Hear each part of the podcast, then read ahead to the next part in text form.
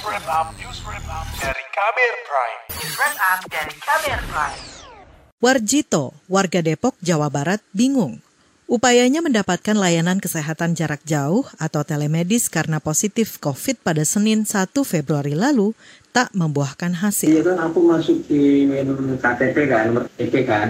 Itu kok klik linknya nggak terdaftar ya. Maksudnya aku bingung itu selain di program itu.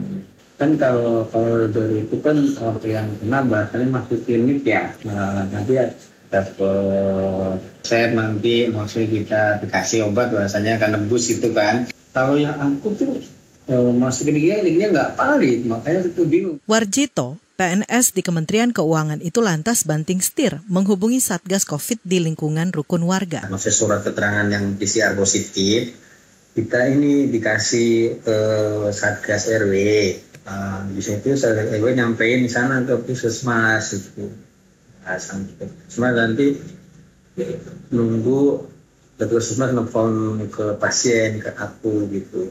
Ada obat dari puskesmas ya. Obat dan vitamin yang ditunggu akhirnya tiba setelah Warjito lima hari terkonfirmasi positif COVID dengan gejala ringan. Tingginya kasus positif COVID yang mencapai puluhan ribu dalam sehari membuat banyak warga yang bergejala juga tak mudah mendapat layanan tes PCR. Pun dengan membayar sendiri seperti dialami Wahyu, warga Depok, Jawa Barat. Eh, kendala mau tes yaitu tadi ya eh, pertama tadi saya datang ke lab eh, A nggak bisa karena ternyata kuotanya full sehari dibatasi maksimal 40 orang gitu jadi saya pindah ke lab kedua lab kedua juga antriannya penuh gitu kan antri sembako jadi baru yang ketiga ini dapat nomor antrian Pemerintah menyediakan fasilitas layanan kesehatan jarak jauh bagi warga yang positif dan melakukan isolasi mandiri.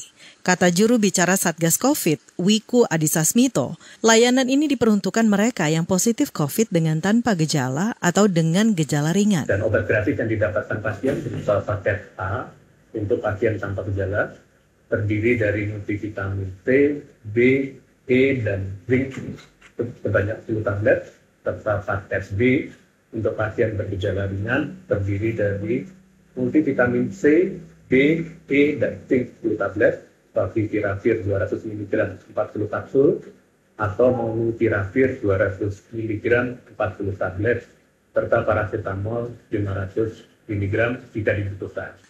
Sayangnya, obat dan vitamin itu butuh waktu berhari-hari untuk tiba di pasien COVID bergejala ringan.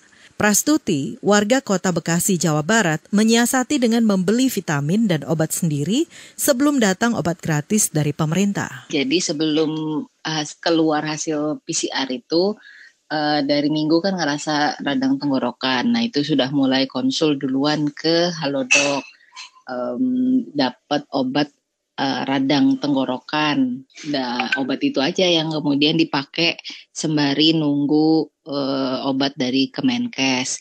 Yang lain-lainnya sih vitamin standar aja, vitamin D, terus vitamin multivitamin gitu. Hal senada disampaikan Kusuma, warga Bekasi, Jawa Barat yang bekerja di Jakarta. Hingga lebih dua hari, tak kunjung ada pemberitahuan dari layanan kesehatan jarak jauh setelah terkonfirmasi positif COVID dengan gejala ringan. Jadi saya masih menunggu pihak dari Kementerian Kesehatan untuk menghubungi, tapi sampai sekarang 2 kali 24 jam belum ada pihak Kementerian Kesehatan yang menghubungi saya melalui telepon maupun eh, aplikasi chat begitu ya. Jadi sampai saat ini obat-obatan atau vitamin yang saya konsumsi masih dari eh, stok pribadi begitu. Laporan ini disusun Roni Sitanggang. Saya Aika Renata. Kamu baru saja mendengarkan News Wrap Up dari Kamer Prime.